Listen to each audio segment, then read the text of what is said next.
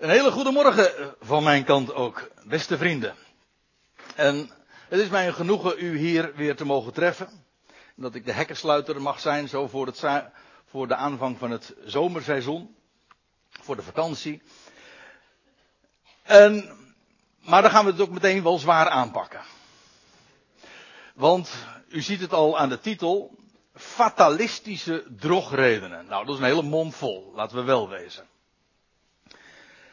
En ik ga u straks meenemen naar dat Bijbelgedeelte wat we zojuist hebben gelezen. En aan de hand daarvan wil ik dat graag ook toelichten. Misschien is het goed om even scherp te stellen wat ik bedoel met beide woorden. Fatalistische drogreden. Wat is een drogreden? Nou, we pakken Van Dalen er even bij.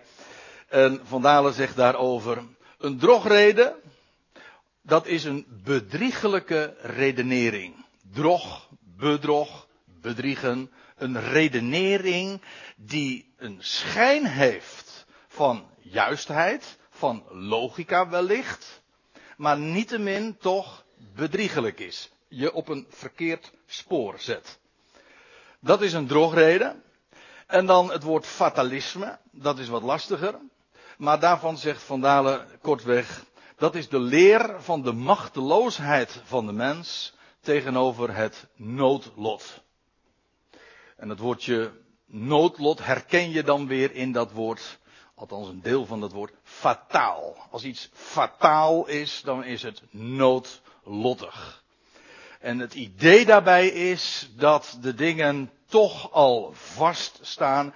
De dingen die gebeuren, dat is een, die vormen tezamen een noodlot. Daar valt niets meer aan te doen. De mens is daar volkomen machteloos in. En dat fatalisme kan allerlei varianten hebben. Dat kan zelfs niet religieus zijn. Je hebt mensen die een materialistische kijk op de wereld hebben, uh, atheïstisch wellicht zijn, voor zover die er echt zijn, maar goed, dat is een ander onderwerp. Maar in elk geval, die geen enkele rekening houden met God en die toch een fatalistische kijk hebben op het leven, want die denken dat het hele menselijk gedrag al helemaal tevoren is vastgelegd. Is het niet door de omstandigheden, de opvoeding en alles wat er gebeurd is, dan is het in elk geval wel door het DNA. En die maakt dat je bent wie je bent en gedraagt zoals je gedraagt. Daar valt helemaal niks aan te doen eigenlijk. Dat is een hele fatalistische kijk. Maar wat dacht u in ons lieve vaderland? Ik zou ook kunnen wijzen op de islam, die ook soms hele fatalistische trekken heeft. Maar laten we het wat dichter bij huis nemen. We komen straks trouwens nog veel dichter bij huis. Maar het, het Calvinisme, althans bepaalde vormen van het, uh, fatal, uh, van het fatalisme, van het Calvinisme, die zijn, uh, dat is ook zeer fatalistisch. En ik, ik weet zeker, als ik zo in het publiek kijk, dan kan ik er zo een aantal aanwijzen die dat maar al te goed ook kennen vanuit hun eigen achtergrond. Zo in een prediking groot geworden zijn, waarbij een God voorgesteld wordt die van eeuwigheid af sommigen heeft bestemd voor de hemel, zo noemt men dat dan, maar het merendeel van de mensheid bestemd heeft, gepredestineerd, voorbestemd voor de verdoemenis. Ach, en als God dat voor onze geboorte, zelfs voor de grondlegging der wereld, voordat er ook maar iets was, al had vastgelegd, ja, wat zal jij dan? Dan is het gewoon een lot uit de loterij. Lot. Als je in de hemel komt, maar dat betekent dus voor het merendeel van de mensen dat het een noodlot is. Niets aan te doen. Van tevoren allemaal al bepaald dat je brandhout bent voor de hel. En dat is, klinkt niet aardig, maar daar komt het toch gewoon op neer. Dat is een heel noodlottig, fatalistisch denken. Daar valt niets meer aan te veranderen. En wat het doet met een mens is, ja, als je weet dat je voor een bepaald noodlot staat dat er, je krijgt informatie, want er zijn dingen die inderdaad noodlottig zijn. In die zin dat je er ook daadwerkelijk niets meer aan kunt doen. Nou, je krijgt iets te horen en als een mededeling uh, in verband met je gezondheid of met je werk. Ja. Het is een gegeven, daar valt niets meer aan te doen. Maar u begrijpt dat als je eenmaal zo'n houding aanneemt, dat maakt je heel onverschillig. Logisch. Eigenlijk valt er ook niet echt mee te leven. Je gooit, het, het legt het leven en het hele gedrag, je hele houding, legt het lam. Het wordt ook dikwijls bitter. Nou, dat heeft allemaal te maken met fatalisme. Er is een hoofdstuk in de Bijbel dat dikwijls wordt opgevoerd. Ik had het zojuist over, dat, die, over het Calvinisme en het, de zwaardere variant daarvan. Wel, die beroepen zich vooral op het hoofdstuk wat we zojuist hebben gelezen. Dus als je een fatalistische drogreden wil hebben, of zoekt, dan mag je aannemen dat je dan toch inderdaad in Romeinen 9 aankomt. Daar, daar moet je wezen. Daar, en ik zal u dit vertellen. Wat Paulus daar neerzet in, ja, in de hele Romeinenbrief is zo geweldig. Maar ik moet er ook bij zeggen, ik begrijp, laten we eerst eens even beginnen met begrip. Ik begrijp ook dat als je de dingen niet meer in zijn juiste perspectief plaatst, dat je heel vatbaar kan worden voor fatalistische drogredenen. Kijk, laat ik in het algemeen even dit zeggen over de Romeinenbrief. Daarin zet Paulus zo geweldig uiteen, Romeinen 1 vers, vers 21, dan spreekt hij al over God als God verheerlijken. Dat wil zeggen, God betekent in het Grieks of vanuit het Grieks de plaatser, de beschikker die alles zijn plaats toewijst.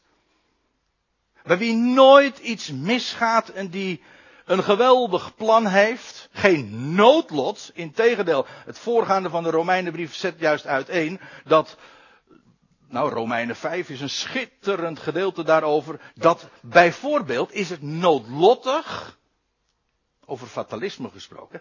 Nou, het is geen fatalisme, maar het is in ieder geval noodlottig. We zijn allemaal, zoals we hier zitten, en al die andere miljarden mensen ook. We zijn nakomelingen van Adam. En daarom noodlottig, dat wil zeggen, er is niet aan te ontkomen. Zondaren, dat ben je gewoon al in de wieg. Van geboorte, dus van huis uit. En bovendien een sterveling. Daar valt niet aan te ontkomen. Maar zegt Paulus dan zo schitterend uiteen dat zoals in Adam en door Adam en door één overtreding heel de mensheid bestemd is om zondaar en sterveling te zijn, zo is door de laatste Adam zijn, is de hele mensheid bestemd tot leven, tot rechtvaardiging. Ja, dat zijn geweldige dingen. Dat is geen noodlot. Dat is Gods plan inderdaad, het is een lot. Daar valt ook niet aan te ontkomen, maar dat is geen noodlot. Integendeel, dat is niet fataal. Dat is iets, als je dat weet, daar word je gelukkig van.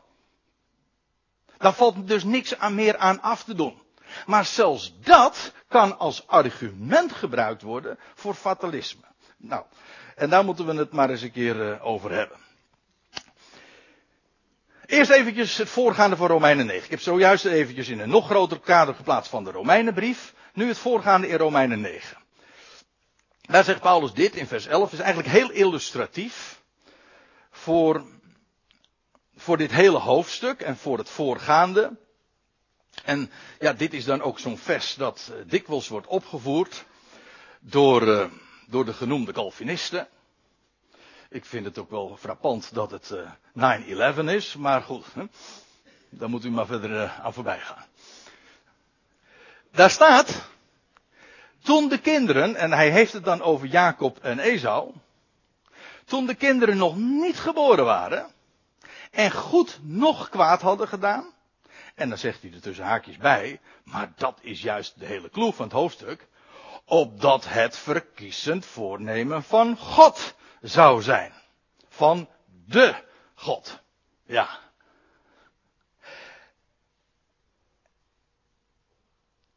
Opdat het verkiezend voornemen van de God zou blijven, niet op grond van werken, dat wil zeggen op, iets, op grond van iets wat de mens presteert, maar op grond daarvan dat hij riep. Kijk, hier wordt het voorbeeld opgevoerd van Jacob en Esau. Voordat ze geboren waren, had God zijn keuze al gemaakt. En toen had God gezegd tegen Isaac en Rebecca, de, De oudste, ja, dat moet ik goed zeggen. De oudste zal de jongste dienstbaar zijn. Dat was Gods keuze. Verkiezend voornemen van God. Uitverkiezing is een bijbels feit.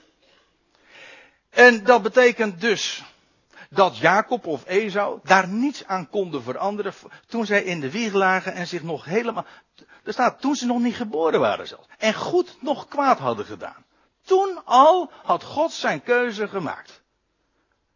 En waaruit dus blijkt dat het niets te maken heeft met de prestaties, of voor mijn part de wanprestaties, het gedrag van Jacob en Esau. Nee, God had zijn keuze gemaakt. Hij roept. En als hij roept, wel, dan gaan er dingen gebeuren. Maar dat is zo geweldig, want dat betekent dus dat alle eer is aan de God. Goed. Nou ga ik nog even een paar versen verder. En dan komen we aan in vers 15. Vanaf dat gedeelte is het ook voorgelezen. En om even het hele verhaal ook en de redenering of betoog die dat Paulus hier opzet goed te volgen, begin ik hier.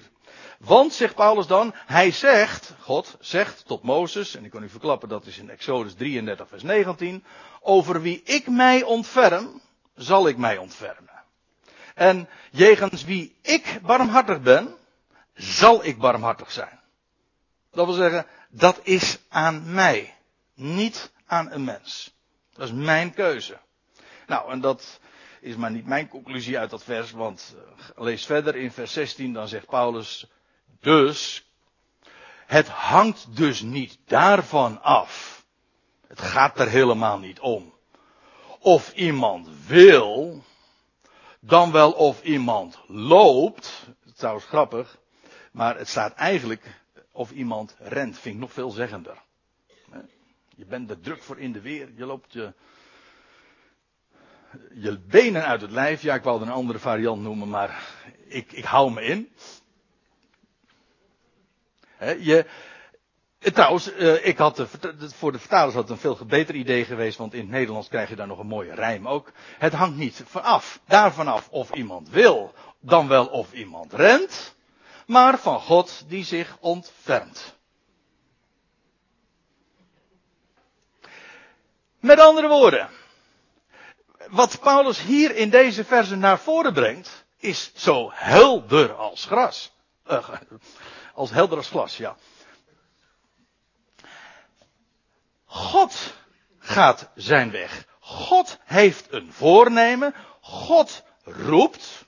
En dat staat volkomen los van de werken van een mens. Of dat een mens goed of kwaad doet. Het gaat allemaal om de God die zich ontfermt. Maar ik moet er meteen bij zeggen. Ook hier zou je al een fatalistische drogredenering aan kunnen koppelen. Hij zegt, ach. Dus dat betekent eigenlijk het is volstrekt onverschillig wat ik wil of kies. Het is dus ook volstrekt onverschillig of ik mijn best doe. Of voor iets ren. Dat heeft helemaal geen zin. Nou moet ik over rennen voorzichtig zijn, anders krijg ik ruzie thuis.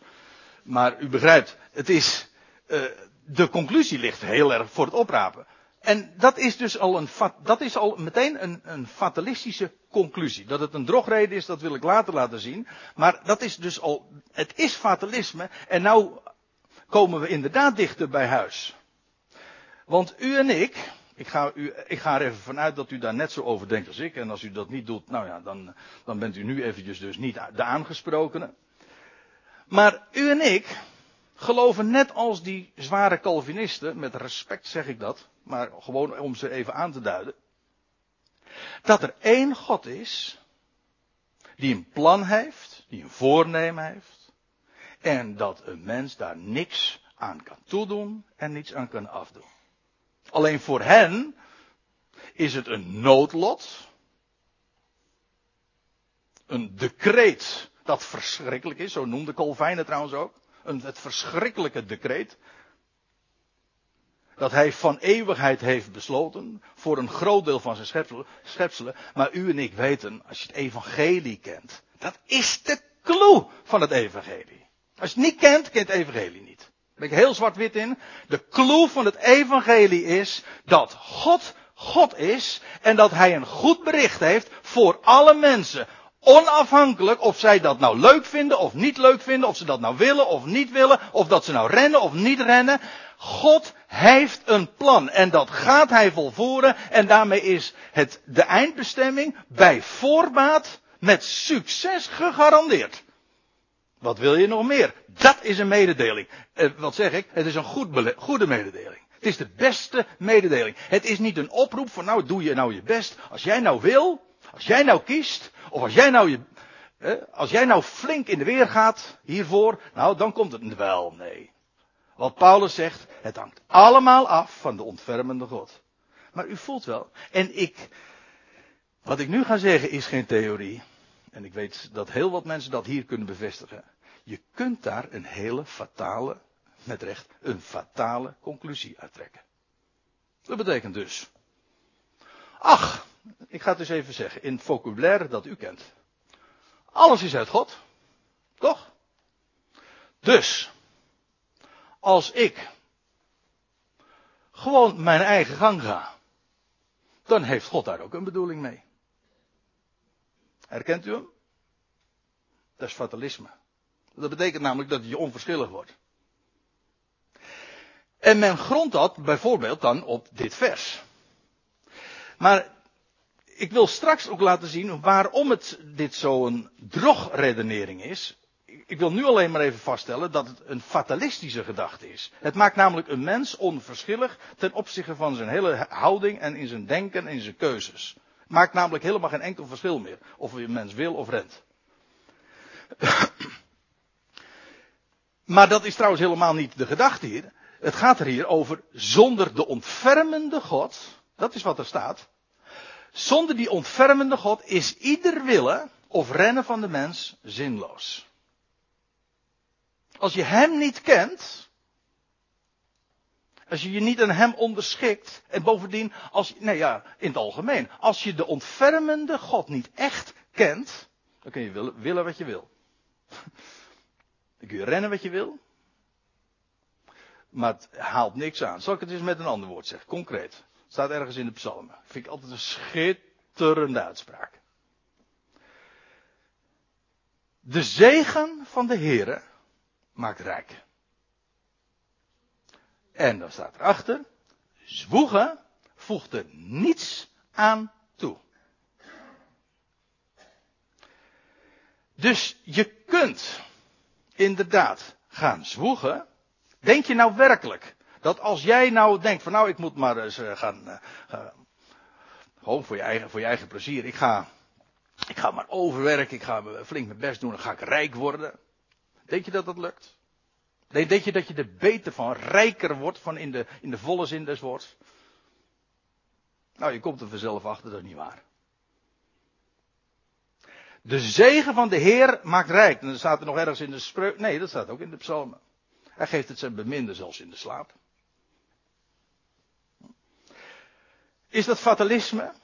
Nee, dat is rust. Dat is rust. Het is zo geweldig te weten dat er een God is die de dingen in zijn hand heeft. En dat ik mijn ding mag doen. Ik mag zijn wie ik ben. Ik mag de dingen doen die op mijn pad gelegd worden. En niet meer. Ik hoef niet om mijn tenen te lopen, ik mag gewoon zijn wie ik ben. En dan heb ik rust. En God, hij heeft alles in zijn hand en dan kan ik gewoon rustig mijn hoofd neerleggen en kan slapen. Ik kan ook rustig mijn hoofd neerleggen en ontslapen. Want in feite maakt dat dan geen verschil. Het is allemaal in goede handen. Dat is zo geweldig. Maar nou gaan we even verder. Romeinen 9 vers 17 in het betoog. Want, zegt eh, Paulus, we waren, Paulus had dus de conclusie getrokken, het hangt niet daarvan af of iemand wil, dan wel of iemand rent, maar van de God die zich ontfermt. Want het schriftwoord, en dat is dan weer aangehaald uit Exodus 9 vers 16, want het schriftwoord zegt tot Farao, Daartoe heb ik u doen opstaan, opdat ik, God, in u, Farao, mijn kracht zou tonen, demonstreren, etaleren. En mijn naam verbreid zou worden over de hele aarde. Even uh, in herinnering brengen waar het hier over gaat. Het gaat over die geschiedenis van Mozes, de uittocht uit Egypte, over Farao. U weet wat tegen Farao gezegd werd. Bij monden van Mozes. Iedere keer ging Mozes naar Farao toe. En wat was de, en wat was de oproep? Wat was Gods wil? Laat mijn volk gaan. Dat was Gods wil. Maar ik zal u dit vertellen. God had van tevoren al gezegd, dat gaat niet gebeuren. Farao, die zal nee zeggen. Dat, ik zal u dit vertellen, dit is een aanhaling dan uit Rome, uit Exodus 9. Maar God had Farao doen opstaan. Waarom? Opdat hij gewillig zou zijn en zo het volk zou laten gaan? Nee, dat was Gods bedoeling helemaal niet. Hij had hem doen opstaan opdat hij via Farao zijn kracht zou demonstreren. God had een tegenstander nodig. Hij wilde zijn kracht demonstreren en opdat via die weg heel de aarde zou weten van wie hij is, zijn mijn naam verbreid zou worden. En tot op de dag van vandaag is die bewuste farao eigenlijk een van de voorbeelden van Gods kracht. En hoe God inderdaad een lange neus trekt naar alle menselijke rebellie en nee zeggen. En God heeft het volk laten gaan. Door een geweldige demonstratie van kracht. De doortocht door de Jordaan en al die plagen daar in Egypte, et cetera. Ik zal u nog iets vertellen. Toen Mozes geroepen werd, daar bij die braamstruik. Dat is in Exodus 4. Toen had God al tegen Mozes gezegd. Dat hij naar Farao moest gaan dat hij moest zeggen dat eh, hij het volk Israël zou moeten laten gaan. Maar tegen Mozes had hij al gezegd, Mozes wist dus precies wat er ging gebeuren. God, pardon, Mozes kende Gods bedoelingen. Waarom? We lezen in Exodus 4 vers 21 dat God tegen Mozes al voor die heilige geschiedenis dus zegt, ik zal zijn hart, en het gaat over het hart van Farao, ik zal zijn hart verharden, zodat hij het volk niet zal laten gaan. En op het moment dat de farao dreigde te bezwijken onder de druk van die plagen, et cetera, van wat er plaatsvond, toen wat lees je dan? God versterkte zijn hart. Of hij verhardde zijn hart, zodat hij weer de kracht kreeg om nee te blijven zeggen. Dat is wat.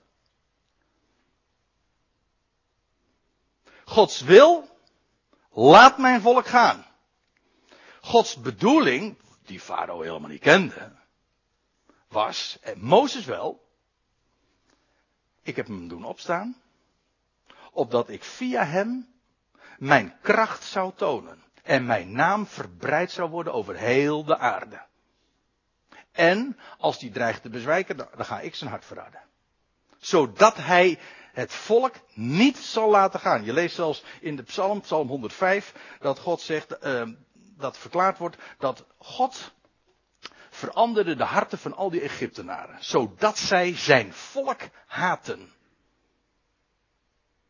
Zo staat het er. Antisemitisme, door God geïnitieerd, zou je zeggen. Dat is, ik, verander, ik veranderde de harten van die Egyptenaren, zodat zij mijn volk haten. Goed. Terug naar Romeinen 9. In het betoog van Paulus.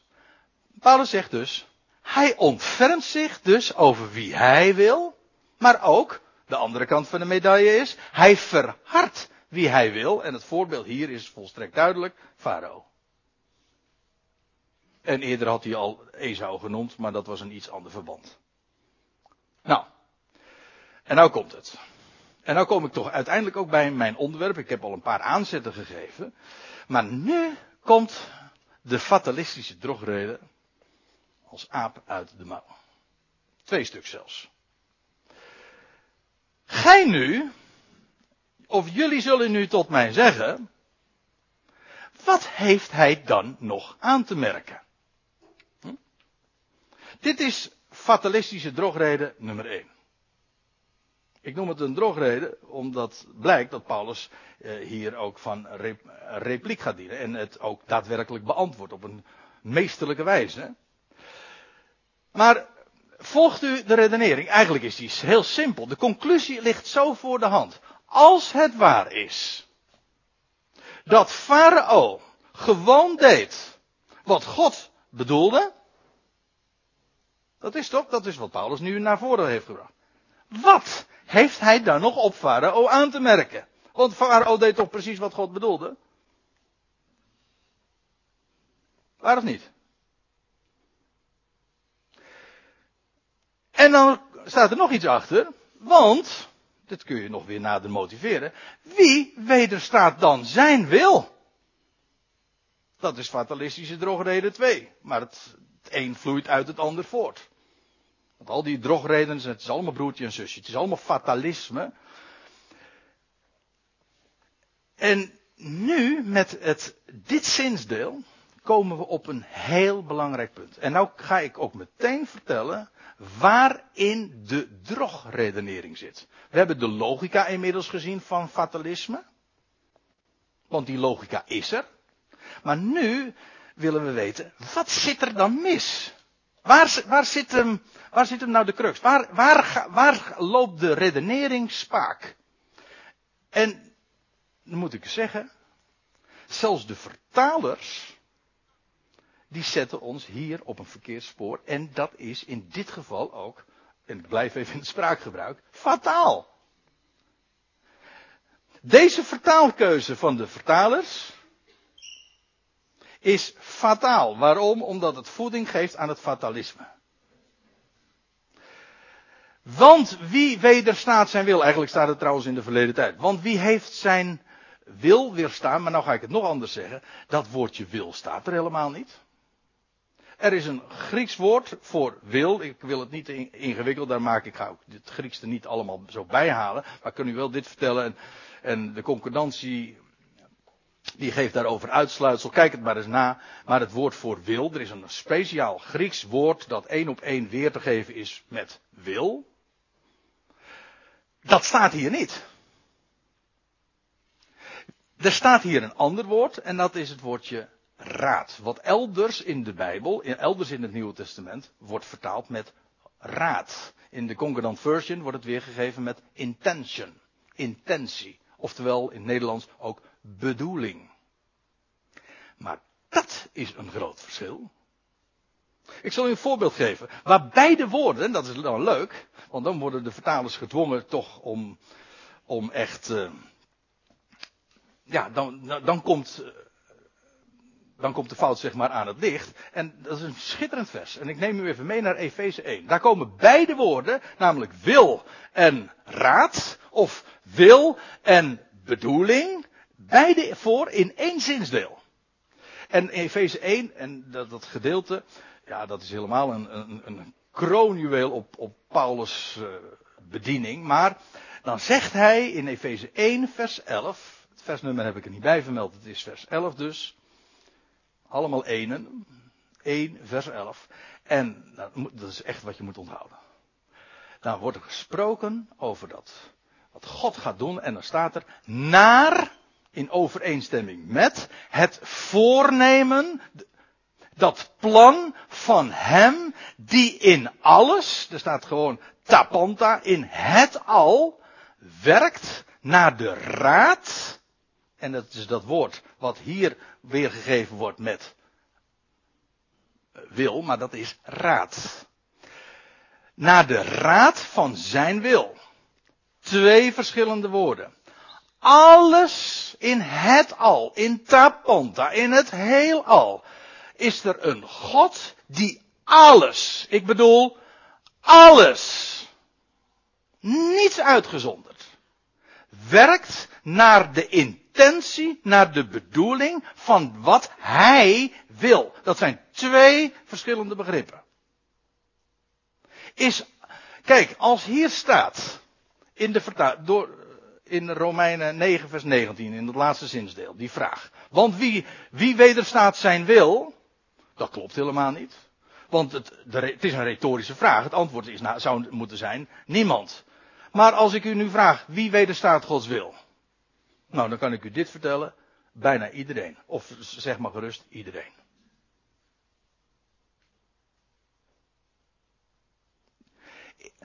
Wat ik wel eens hoor, van mensen van wie je het eigenlijk niet zou mogen verwachten, die zeggen, alles gaat naar zijn wil. Nou, dat kunt u wel vergeten. Dat is niet waar. Er is zoveel wat gebeurt dat niet Gods wil is. Was het Gods wil dat Farao, laat ik even gewoon even bij het gedeelte blijven, bij het voorbeeld dat Paulus hier geeft. Was het naar Gods wil dat Farao het volk niet liet gaan? Nee, natuurlijk niet. Gods wil was duidelijk, Farao kende dat, God had zijn wil geopenbaard en daar had Farao mee te rekenen. Met Gods bedoeling had hij niks, ik bedoel niks te maken. Dat was voor hem verborgen. Er was er één die het, nog, die het ook kende, ik zei het zojuist al, dat was Mozes, die wist het. God maakt namelijk zijn geheimen, staat er ook ergens in de psalmen, God maakt zijn geheimen aan zijn vrienden bekend. De dingen die verborgen zijn, zijn geheimen, die deelt hij met degenen die daar rijp voor zijn. Maar mensen die er geen, geen oor voor hebben, die hebben daar helemaal niks mee te maken. Farao had met één ding te maken, en Gods wil. Wie heeft Gods wil weerstaan? Of wie, in het algemeen, wie weerstaat Gods wil? Dan zeg ik talloze schepselen. Is alles wat gebeurt Gods wil? Nee. Maar, wat, zeg, wat zegt de schrift wel? Wie heeft zijn bedoeling? Wie heeft Gods intentie weerstaan? Farao? Nee. Farao weerstond Gods wil, maar vervulde daarmee Gods bedoeling. Rechtvaardigde dat Farao? Nee, natuurlijk niet. Farao had daar niks mee te maken. Een mens heeft slechts te rekenen met Gods wil. En als die. En dikwijls achteraf krijgt hij te horen wat Gods bedoeling is. Maar vooraf niet. Alles wat er gebeurt, dat is naar in overeenstemming met Gods bedoeling. God heeft met alles een doel. Er staat, dat is een, een van mijn lijfspreuken ook, 16, spreuken 16 vers 4. Er staat, God heeft alles gemaakt voor zijn doel.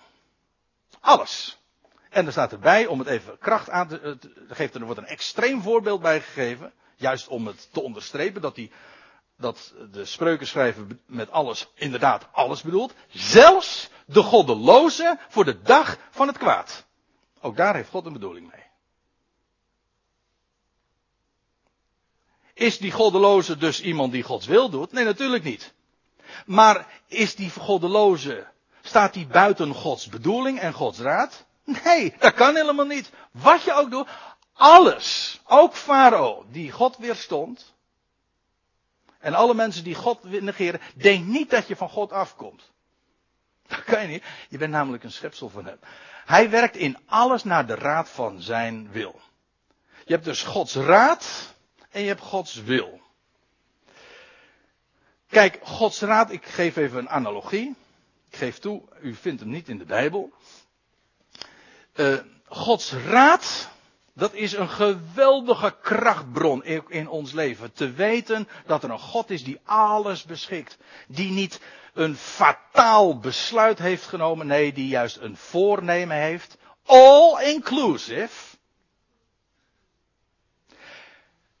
Van heil, van redding, van rechtvaardiging, van leven. En dat voornemen gaat hij vervullen. En of een mens dat nou wil, of een mens daar nou tegen staat, dat maakt geen klap uit, want het gebeurt toch.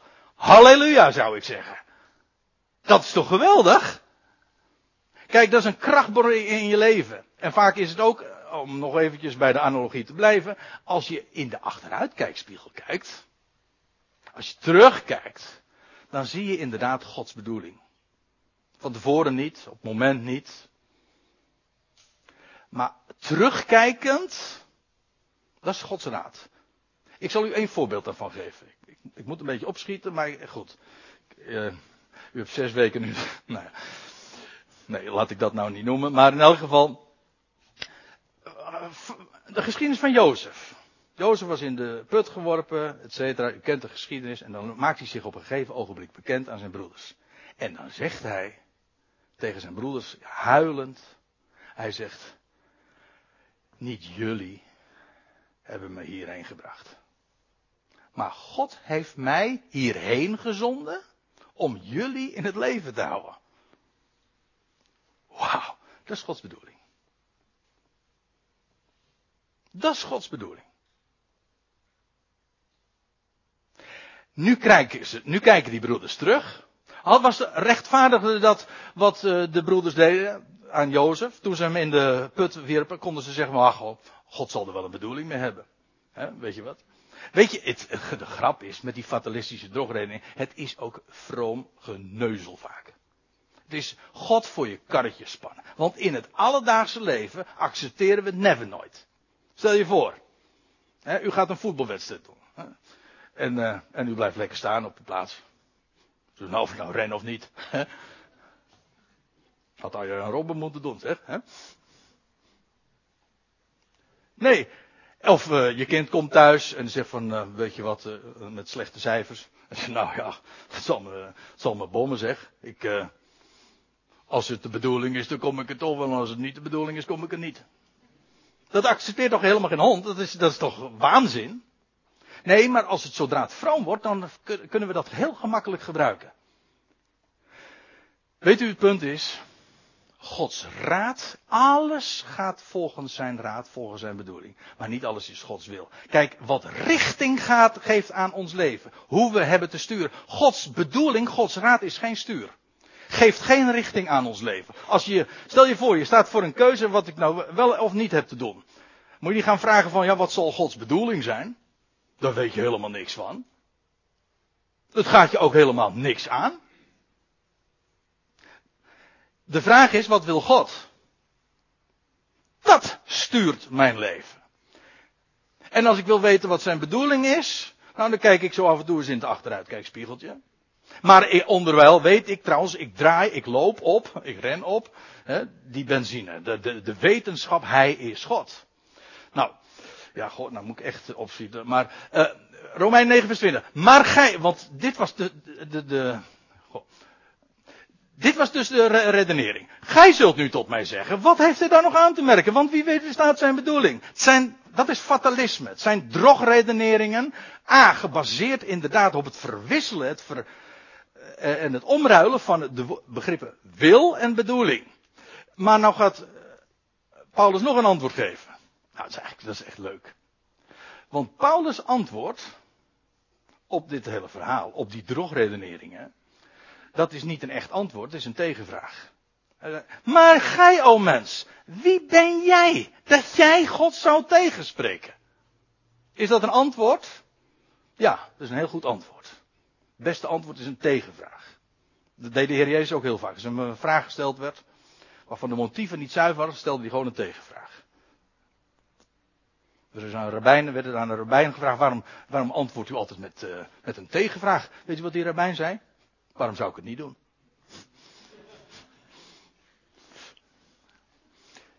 Nou. Maar jij, mens, wie denk je nou wel dat jij bent? Nou, weet je wat je bent? Mensen zeggen dan van, ja, maar we zijn toch geen robotten? Ik zal het u nog veel sterker vertellen. We zijn klei. Een robot of een computer, u weet er alles van. Die doet soms dingen die de eigenaar helemaal niet wil. Maar dat is me klein niet. Weet je, we zijn gewoon klein. We zijn gewoon, met recht hoor, we zijn gewoon uit de aarde genomen. En op een gegeven moment gaan we keren weer terug naar die aarde. We zijn klein. Meer niet. Nou, oké, u zegt dat vind ik niet erg complimenteus. Maar dat is Paulus hier ook niet. Maar dit geeft de ode aan hem. En voor zover een mens wat is en wordt, dan is dat omdat de pottenbakker er iets van maakt. En hij maakt er geen potje van. Als u begrijpt wat ik bedoel. Maar zal het, gebo zal het geboetseerde, dat wat gekleid wordt, soms tot, de tot zijn boetseerder zeggen, waarom heb u mij zo gemaakt? Kom nou, dat is, dat is toch buiten alle verhoudingen. Of heeft de pottenbakker niet de vrije beschikking, letterlijk staat er gewoon het recht, over het leem om uit, het, uit dezelfde klomp, als Nederlanders vatten we dat vaak natuurlijk weer verkeerd op, maar goed, uit, uit dezelfde klomp het ene voorwerp te vervaardigen tot eer en het andere tot alledaags gebruik, tot oneer, staat er letterlijk. Dat wil zeggen zonder dat er e- eer aan verbonden is. Ik bedoel, de ene, een ene, het ene potje zet je op, de, op het reservoir, mooi geschilderd enzovoort. En een andere pot, die doe je onder het bed. Hm? Ja. Maar laat ik u dit zeggen. Dat is geen decretum horrible, zo dat heet dat in het uh, Latijns geloof ik. Ik weet niet of ik het goed zeg. Dat is geen verschrikkelijk besluit. Want God heeft een plan. Ook met die farao. Dat vind ik helemaal super. Want kijk, we zijn hier in Romeinen 9. Maar nou, nou bladeren we even door. En, en, en zo wil ik ook afsluiten naar Romeinen 11. Want het betoog van Paulus gaat nog veel verder. En je zou dat inderdaad vers voor vers echt nauwlettend moeten volgen. Schitterend. Maar ik kan u dit verklappen. Het betoog loopt uit in een conclusie. En dat vind je in Romeinen 11. En dat wil ik gewoon voorlezen. En dat is het einde van de betoog. Want God, eigenlijk staat er de God, heeft allen, de allen, onder ongehoorzaamheid besloten. Heel die mensheid besluit hij onder ongehoorzaamheid. Dat is fatalisme.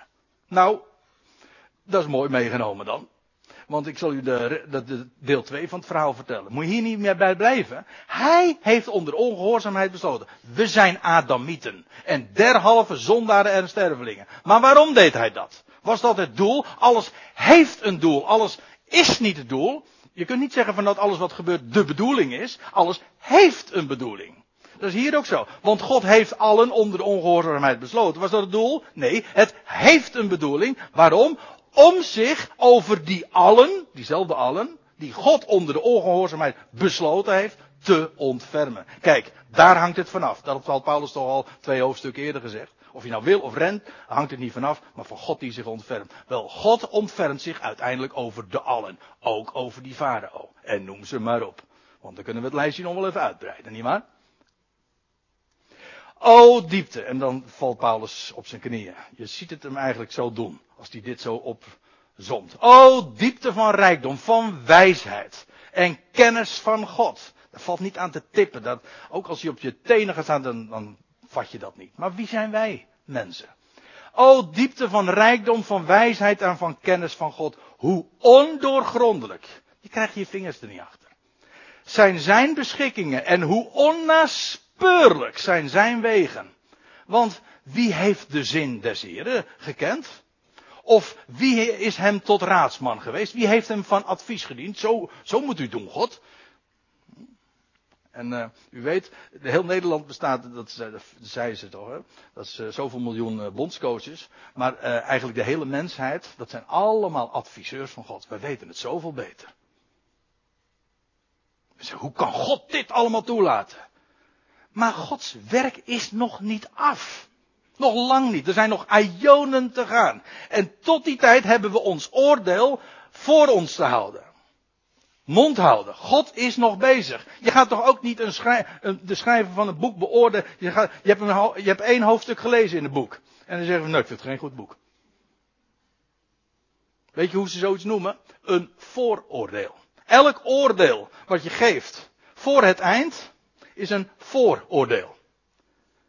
En ik, heb, en ik ken een website, hele goede website trouwens. uh, die, die heeft, dat heeft als motto: Everything will be okay in the end. If it's not okay, it's not the end. Kijk, dat is hier. Dat is de God die we kennen. Wij hoeven hem niet van advies dienen. Zijn werk, zijn plan is volmaakt. Perfect. En iedereen gaat dat erkennen. Wie heeft hem eerst iets gegeven waarvoor hij, waarvoor hij zelf dus eh, vergoeding ontvangen moet? En dan sluit hij af. Want uit hem, door hem en tot hem is het al. Zijn alle dingen. En vandaar hem zij de heerlijkheid. Tot in de ionen. Amen. Amen.